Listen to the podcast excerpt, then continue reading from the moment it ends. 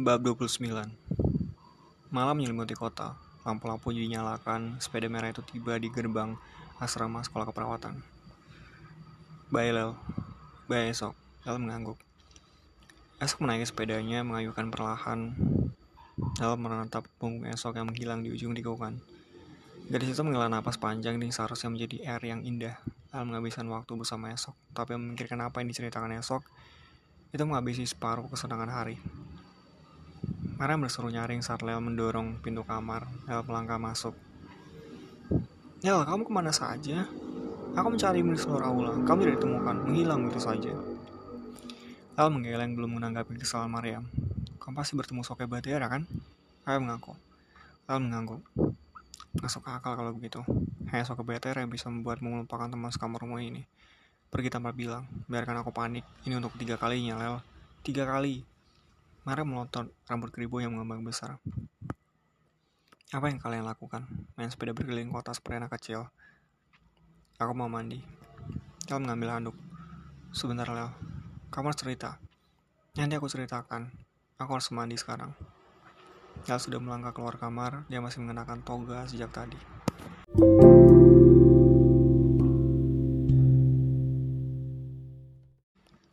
Selesai mandi, Mariam sudah menunggunya. Ada hal penting yang hendak kusampaikan padamu, Mariam. Nel duduk di ranjang, wajahnya serius. Hal penting apa? Esok akhirnya melamarmu. Mariam cengar-cengir berusaha bergurau. Dia duduk di ranjangnya, mereka berdua berhadapan-hadapan. Sekarang bukan saatnya bergurau. Dalam geleng tegas. Oh, baiklah, maaf. Mariam memperbaiki posisi duduknya. Tapi kamu harus janji. Tidak akan bilang pada siapa pun. Ya ampun, Lela, aku harus berjanji. Serius, Mariam berseru tidak terima. Aku tidak pernah membacakan rahasiamu walau setetes pun. Tidak sekalipun pada penghuni panti sosial, asrama sekolah, organisasi relawan, tidak ke seluruh penduduk kota ini. Bahkan mengigau saat mimpi pun tidak. Iya, aku tahu itu. Lalu menatap Mariam yang tersinggung. Aku hanya memastikan. Berjanjilah Mariam. Baik, aku berjanji. Kamu puas. El mengangguk, esok benar rasa ini bisa diberitahukan kepada Mariam. Setengah jam lalu menceritakan semua percakapannya dengan esok di depan lubang tangga darurat kereta bawah tanah. Cerita yang membuat Mariam mematung. Kamar itu lenggang menyisakan suara pendingin ruangan, tidak ada lagi pemanas ruangan. Itu sangat menakutkan. Mariam akhirnya bersuara, suaranya tersekat. Lalu mengangguk. Mereka sudah pernah melewati gunung meletus skala 8V melewati gempa bumi skala 10 Richter yang menghancurkan dua buah dua buah benua sekali tepuk. Mereka sudah melewati suhu dingin salju setebal 50 cm, tapi itu semua tidak ada apa-apanya dibanding mendengar informasi bahwa manusia akan punah oleh musim panas ekstrim 60 sampai 80 derajat Celcius. Itu berarti mereka telah memilih calon penumpang kapal itu. Mara memastikan, lalu mengangguk lagi. Dan kita kita tidak dihubungi Apakah berarti kita tidak termasuk penumpang kapal? Nel tersenyum kecil. Kamu naik kapal itu, Mariam? Um, Mariam terdiam. Aku hanya bertanya, siapa pun pasti akan bertanya soal itu jika mendengar ceritamu. Aku tahu mesin itu tidak akan pernah memiliku. Nel mengangguk penumpangnya telah diuntungkan. Kita tidak termasuk, tapi setidaknya kita tahu lebih awal dibanding penduduk lainnya. Mereka baru akan mengumumkannya empat minggu lagi, persis saat kapal-kapal itu berangkat. Maria mengembuskan napas, lantas bagaimana dengan rencana-rencana besar kita? Bekerja di rumah sakit, menyewa apartemen? Entahlah. Lalu menjawab pendek. Kamar itu lenggang lagi. Aku sepertinya butuh tidur lebih cepat, Lel. Rambut keribuku akan mengembang, tidak terkendali kalau aku semakin memikirkan ceritamu. Maria akhirnya bicara. Lel tersenyum. Maria tidak pernah kehilangan selalu humor dalam cerita siapa pun.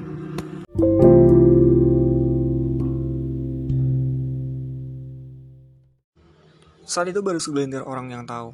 Masalahnya tahu lebih awal dibanding orang lain tidak akan mengubah nasib mereka. Maka Lela Mari memutuskan menjalani aktivitas sehari-hari seperti biasa. Mereka pindah ke apartemen baru seminggu kemudian. Tidak besar, tapi memadai untuk mereka berdua. Mereka juga juga telah resmi diterima di rumah sakit kota, namun mereka tidak bisa langsung masuk kerja karena mendapatkan penugasan organisasi relawan. Pagi itu tiga minggu sebelum kapal raksasa itu meluncurkan, Mariam bersama puluhan relawan menaiki gerbong kereta cepat menuju sektor 3. Kereta melintasi hamparan sawah yang kering, padang rumput yang kerontang, pohon-pohon meranggas, suhu udara telah naik 5 derajat Celcius. Kekeringan mulai melanda di mana-mana. Kondisi sektor 3 yang mereka tuju mengenaskan. Air bersih sangat terbatas. Relawan dan marinir sudah berusaha menarik air dari kedalaman ratusan meter, tapi hanya sedikit sekali air yang keluar. Tanpa siklus hujan, cadangan air bawah tanah mulai berkurang, bahan pangan kembali terbatas, dan harganya melesat tidak terkendali. Lalu Maria bertugas di rumah sakit darurat lokasi pengungsian. Mereka tidak lagi membantu perawat. Mereka lah perawatnya, sekaligus relawan. Mereka memperhatikan anak-anak kecil yang kurus, orang tua yang sakit, tanda rumah sakit darurat terasa pengap. Seragam mereka basah oleh keringat. Cepat atau lambat kota, kota kita juga akan mengalami kondisi yang sama.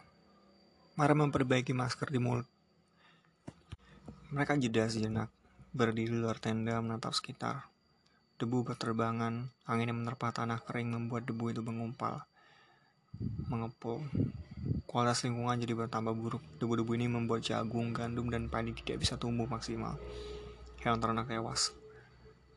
Lel, apakah Soli Batera termasuk salah satu penumpang kapal itu? Maren bertanya, pertanyaan yang sering dia sampaikan seminggu ini. Lel menggeleng. Aku tidak tahu, esok tidak bilang. Jadi sebenarnya juga menjadi pertanyaan Lel apakah esok termasuk penumpang kapal raksasa itu.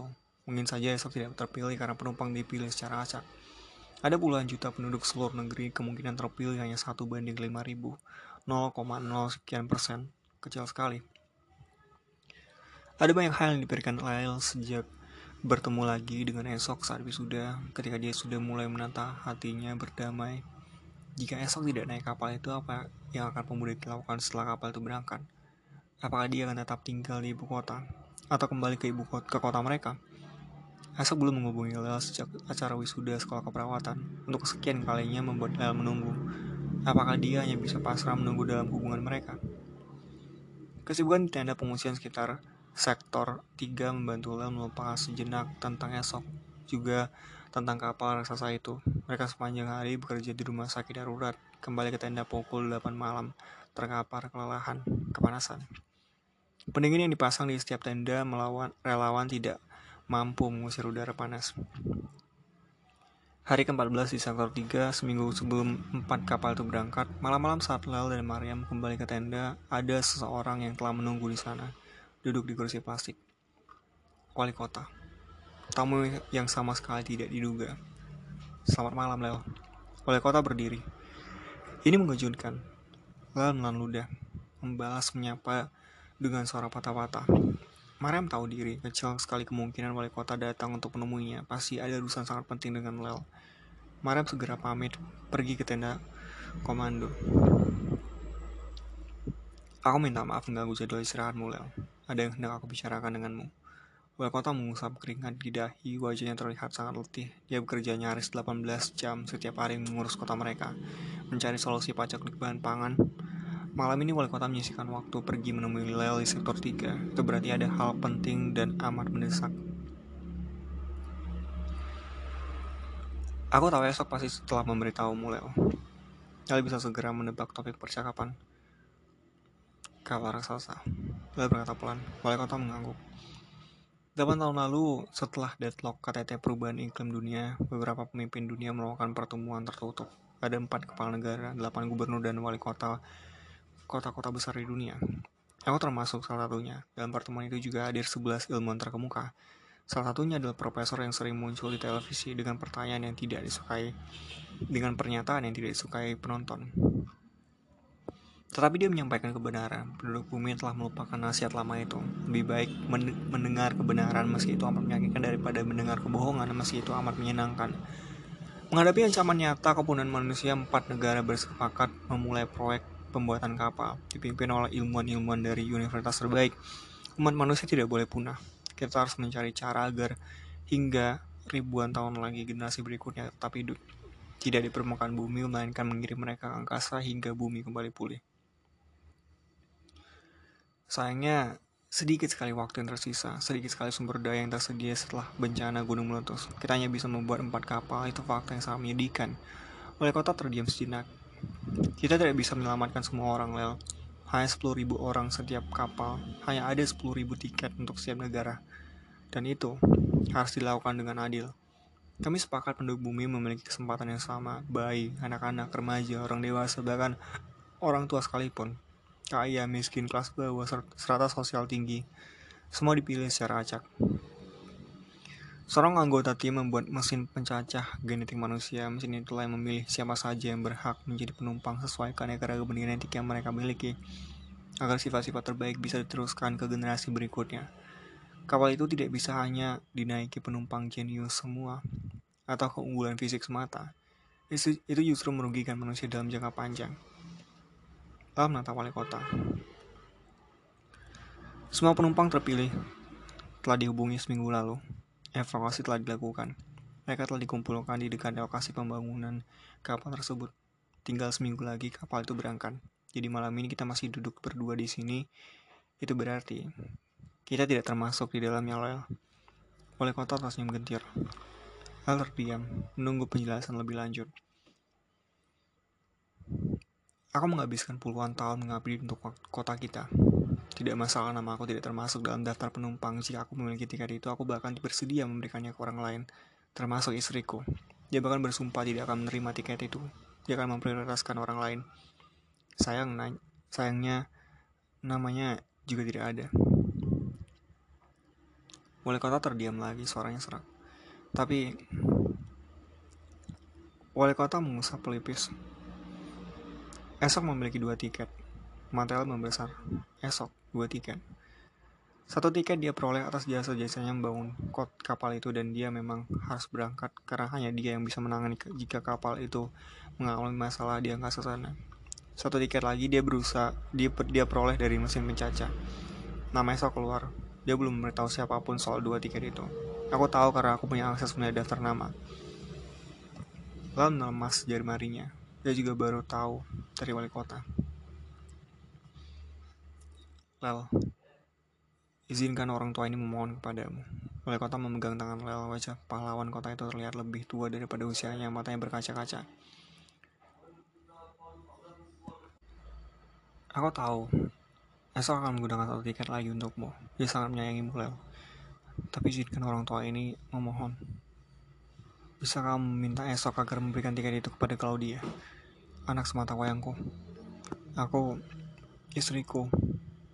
Kami tidak akan pernah sanggup menyaksikan Claudia harus tinggal di permukaan bumi, menunggu musim panas membunuh semua orang. Hanya Claudia satu-satunya putri yang kami miliki. Satu-satunya harta paling berharga. Tenda itu lenggang, menyisakan Lel yang duduk membeku.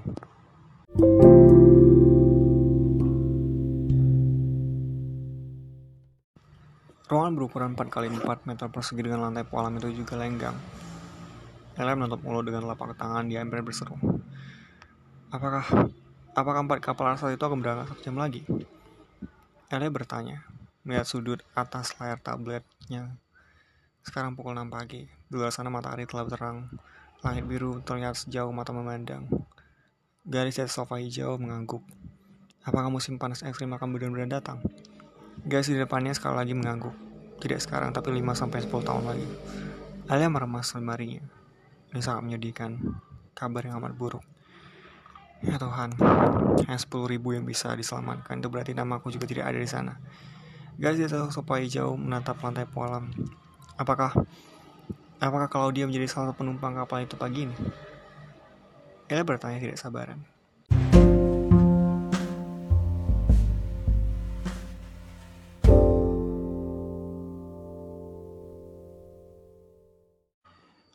Bab 30 Wali kota berpamitan setelah menyampaikan tujuan kedatangannya. Lalu tidak bisa menjawab apa pun. Dia masih bingung dan terkejut. Mariam kembali ke, ke tenda setelah wali kota naik ke atas helikopter kembali ke kota mereka. Apa kamu akan memberikan tiket itu kepada Claudia? Maria bertanya setelah Lea menceritakan percakapannya dengan wali kota. Aku tidak tahu, Mariam. Bahkan esok belum cerita apa pun padaku. Lel menggeleng. Maria menatap wajah Lel yang kusam, temannya memikirkan banyak hal sekarang, seperti ada beban berat yang menggelantung di wajahnya. Lagi pula, masih ada ibu esok, bisa saja tiket itu diberikan kepada ibunya. Dia lebih berhak, satu-satunya keluarga esok. Lalu berkata lirih. Maria mengangguk, itu lebih masuk akal. Lel menunduk tinggal seminggu lagi keberangkatan kapal itu. Waktunya semakin sempit. Aku harus pulang ke ibu kota Mariam. Aku harus ada di sana. Mariam ngangguk lagi. Malam itu, mereka menghadap komandan lokasi pengungsian minta izin agar bisa pulang lebih cepat. Ada banyak hal yang mendesak yang harus diselesaikan di ibu kota. Mariam mengarang alasan. Apa hal mendesak itu Mariam? Komandan bertanya. Mariam menelan ludah, berpikir cepat. Ada menemukan ibu-ibu dengan fisik mirip denganku. Kribo, tinggi, kurus, mungkin saja dia ibuku. Lantas kenapa Lela juga harus ikut pulang ke ibu kota? Komandan menatap Mariam tajam. Uh, juga ditemukan ibu-ibu dengan kondisi fisik seperti Lela. Mariam nyeringai, bahkan anak kecil pun tahu Mariam hanya mencari-cari alasan. Komandan lokasi pengungsian tertawa mendengarnya. Kalian bisa pulang kapan pun, Lel. Mariam, ini pekerjaan relawan, bukan penugasan militer. Awal memberikan izin, tidak perlu mengarang alasan. Keesokan paginya, mereka menuju stasiun kereta terdekat menumpang truk militer yang sedang mengambil logistik. Debu mengepul sepanjang jalan, bumi semakin kering. Semua orang di sektor 3 harus mengenakan masker tebal.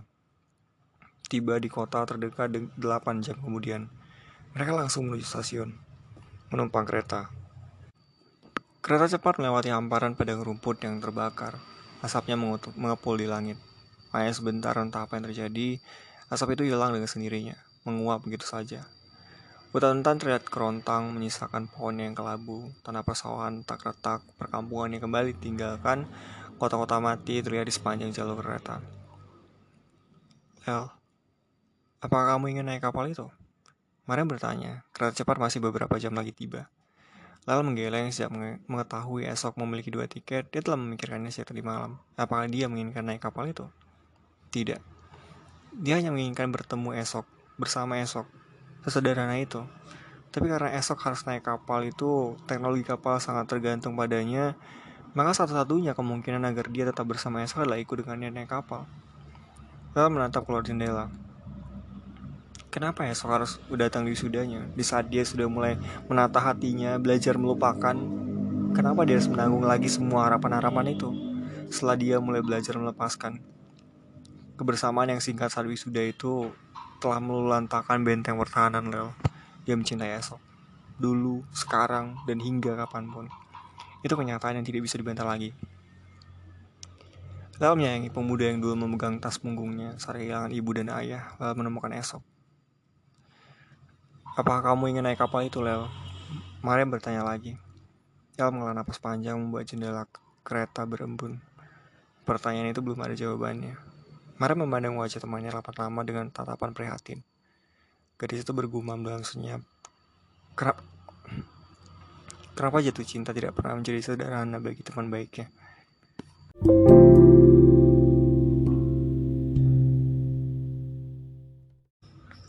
Lelah Mariam tiba di stasiun kota pukul satu malam, menumpang taksi menuju apartemen. Lelah habis menempuh perjalanan panjang, mereka langsung merobohkan diri di atas ranjang, tertidur. Malam terbangun saat cahaya matahari melewati jendela apartemen. Lel sudah bangun telah berganti baju. Kau mau ke mana, Lel? Aku udah penuh ibu esok. Sekarang. Lel mengangguk. Tinggal enam hari lagi keberangkatan kapal itu. Harus menemui ibu esok. Hendak bertanya apakah esok sudah menceritakan situasi itu kepadanya. Esok pernah bilang dia diizinkan menelpon ibunya lebih sering. Boleh aku ikut? Mariam melompat dari tempat tidur. Aku justru hendak bertanya apakah kamu mau menemaniku, Mariam. Mariam tertawa kecil. Tunggu sebentar, aku akan bersiap-siap. Mereka menumpang bus kota rute 12. Bangkunya terisi separuh, langit-langit bus rasa pengap. Suhu kota naik lagi satu derajat seminggu terakhir. Pendingin bus seperti tidak berfungsi. Turun di ujung jalan kuliner, mereka kemudian jalan kaki di depan toko-toko makanan. Sepagi ini, jalan itu tetap ramai. Masih banyak penduduk yang berbelanja makanan. Satu dua anak kecil berkelajaran, mereka tidak tahu sama sekali enam hari lagi kabar buruk akan diumumkan. Suara lonceng terdengar lembut saat pintu toko kue didorong. Well, Mariam, ibu Asek yang sedang sibuk melayani pembeli menoleh. Bukankah kalian seharusnya masih di sektor 3? Tal menggeleng. Mariam sudah asik mengambil sepotong pastry.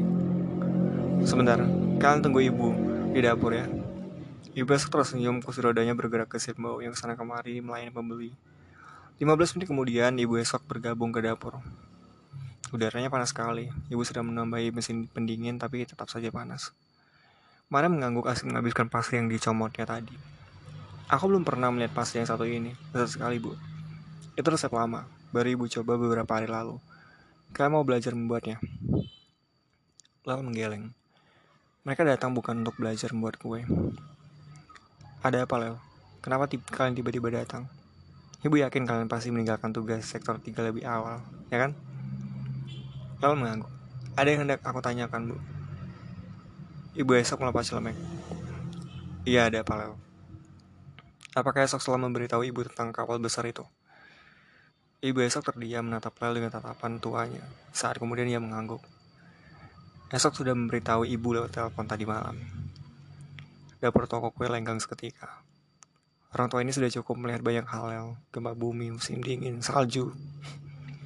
Salju itu tidak terbayangkan akan turun di kota kita.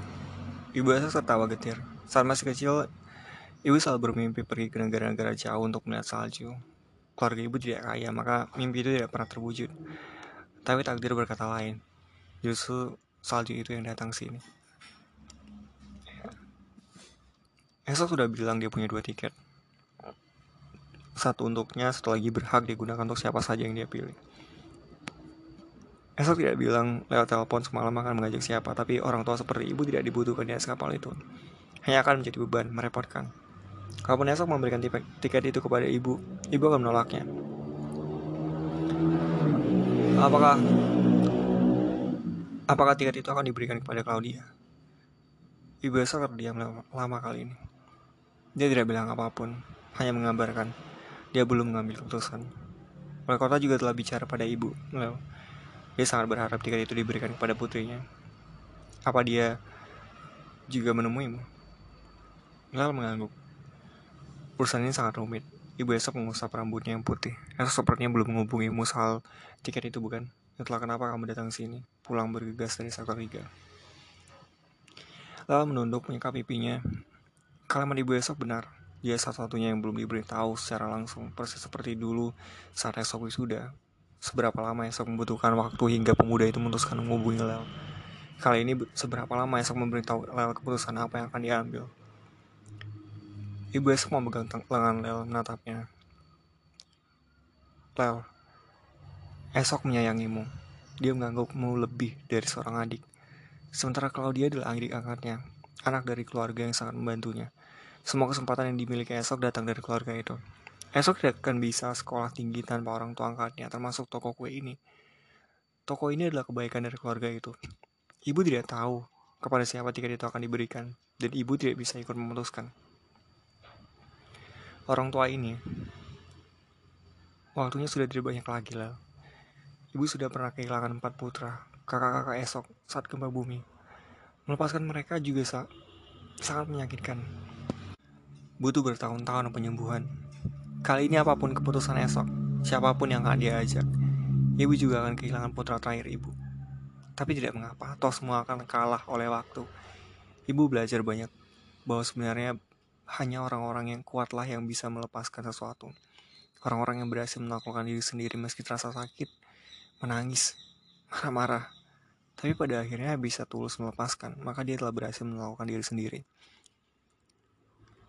Ibu akan menghabiskan sisa waktu dengan terus membuat kue di toko ini, melewati hari-hari terakhir dengan riang, melewati musim panas. Hanya itu yang tersisa bagi kita semua. Dan itu sudah sangat membahagiakan. Ibu akan senang jika kalian terus mengunjungi toko ini. Tidak ada kesimpulan atas percakapan itu, lalu tetap tidak tahu siapa yang akan diajak oleh esok. Akhirnya mereka berpamitan pulang ke apartemen. Ibu esok seperti biasa mengantar hingga depan pintu. Mungkin sebaiknya kamu nelpon esok, Lel. Mara menyarankan saat mereka sudah di atas bus kota. Lel menggeleng. Dia tidak akan berani melakukannya. Bus kota rute 12 melintasi jalanan panas, taman-taman bunga terlihat layu.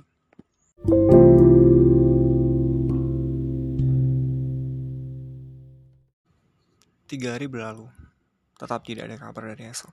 Itu menjadi tiga hari yang sangat menyesal Lel. Membuatnya banyak melamun di apartemen, rambutnya berantakan, gadis itu kurang tidur. Kamu harus makan, Lel. Mari membujuk. Aku tidak lapar. Tentu saja kamu tidak lapar dengan semua pikiran itu. Mari minggir lebar. Tapi kamu harus makan sebelum sakit. Lel menggeleng. Aku cemas jangan-jangan pikiran itu membunuhmu lebih dulu dibanding musim panas ekstrim. Mariam berseru ketus sebal melihat Lel yang tetap tidak mau makan. Satu hari lagi berlalu. Waktu keberangkatan pesawat itu hanya tinggal gitu kan jam. Tinggal 48 jam. Apakah esok mencintaiku, Mariam? Lel bertanya pelan. Mariam sedang menemaninya makan. Kali ini berhasil memaksa Lel.